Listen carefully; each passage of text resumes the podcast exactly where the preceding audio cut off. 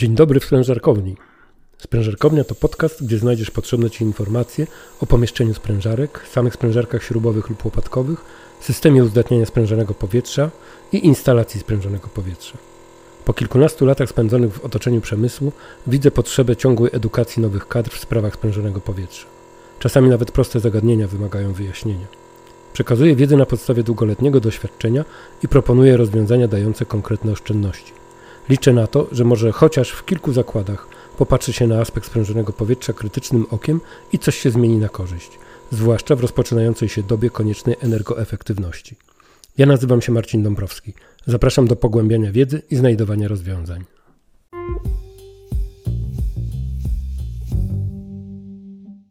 Chciałem posiłkować się rzetelnymi danymi polskich oferentów dyszy do piaskowania, żeby pokazać dobór kompresora.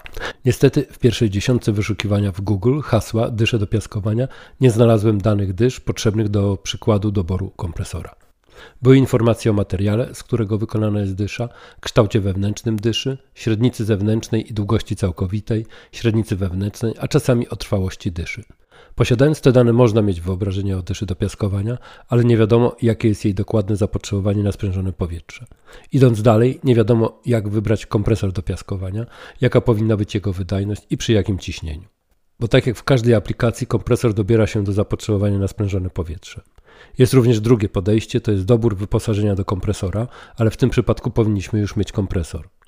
Przyjmując założenie, że wybieramy kompresor, to oznacza, że już wiemy, jaką ma zasilić piaskarkę, jaką dyszą będziesz piaskował, żeby osiągnąć założoną wydajność powierzchniową i zysk na wykonanej pracy lub usłudze. Większość problemów eksploatacyjnych w piaskowaniu związanych jest albo z za małym kompresorem, za mało wydajnym, albo z zawilgoconym powietrzem. Dlatego tak ważny jest parametr zapotrzebowania na powietrze i wyposażenie sprężarki. Na szczęście strony producentów dyszy do piaskowania zawierają informacje o zapotrzebowaniu na sprężone powietrze albo mają kalkulator doboru. Przyjmując założenie, że piaskować będziesz dyszą klemko o średnicy 8 mm, charakteryzować się będzie ona następującymi parametrami eksploatacyjnymi. Na przykład przy ciśnieniu w dyszy 3,4 bara zapotrzebowanie na sprężone powietrze wynosi 2,18 m3 na minutę a na przykład przy ciśnieniu 7 bar zapotrzebowanie wynosi 3,88 m3 na minutę. Stąd już wiesz, ile powietrza powinien zapewniać kompresor. Tylko, że dysza zużywa się w wyniku ciągłego przepływu ścierniwa o dużej prędkości. Większy przekrój dyszy to większe zużycie powietrza. Jeżeli większe zapotrzebowanie jest zapewnione przez kompresor, to skuteczność czyszczenia pozostaje na tym samym poziomie. Jeżeli jednak sprężarka do piaskowania nie ma zapasu wydajności, to ciśnienie w dyszy spada, skuteczność czyszczenia i wydajność również spadają. Dlatego też dysze powinno wymieniać się, gdy średnica wewnętrzna osiągnie następny rozmiar stypu szeregu. W przypadku Twojej dyszy o średnicy 8 mm zapotrzebowanie na sprężone powietrze przy ciśnieniu 7 bar wynosi 3,88 m3 na minutę.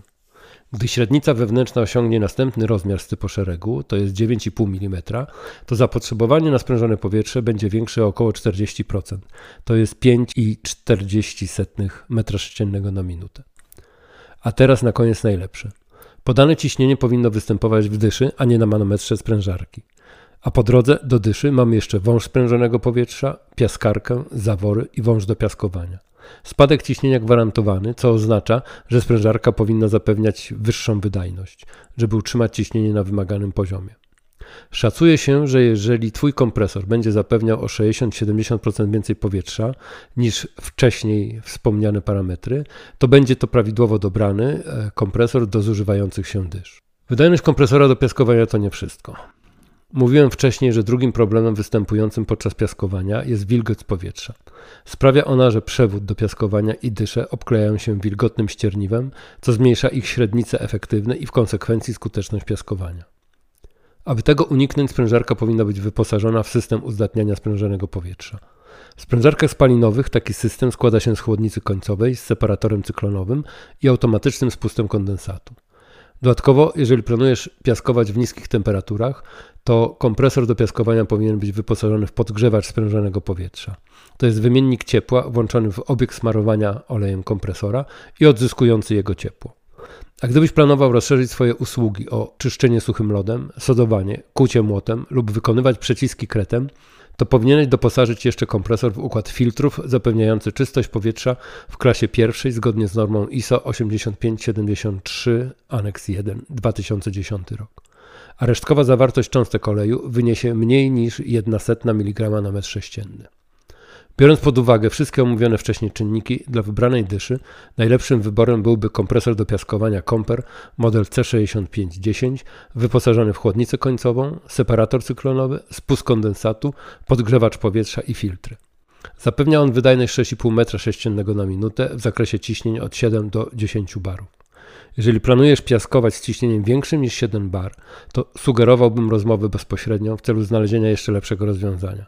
Ale przed tą rozmową powinieneś już znać swoje plany wykorzystania kompresora i jakie maszyny będzie on zasilać. A czy wiesz już, jak zapewnić powietrze oddechowe do hełmu do piaskowania z nawiewem, który będzie chronił Twoje drogi oddechowe podczas pracy? A teraz szybka prośba.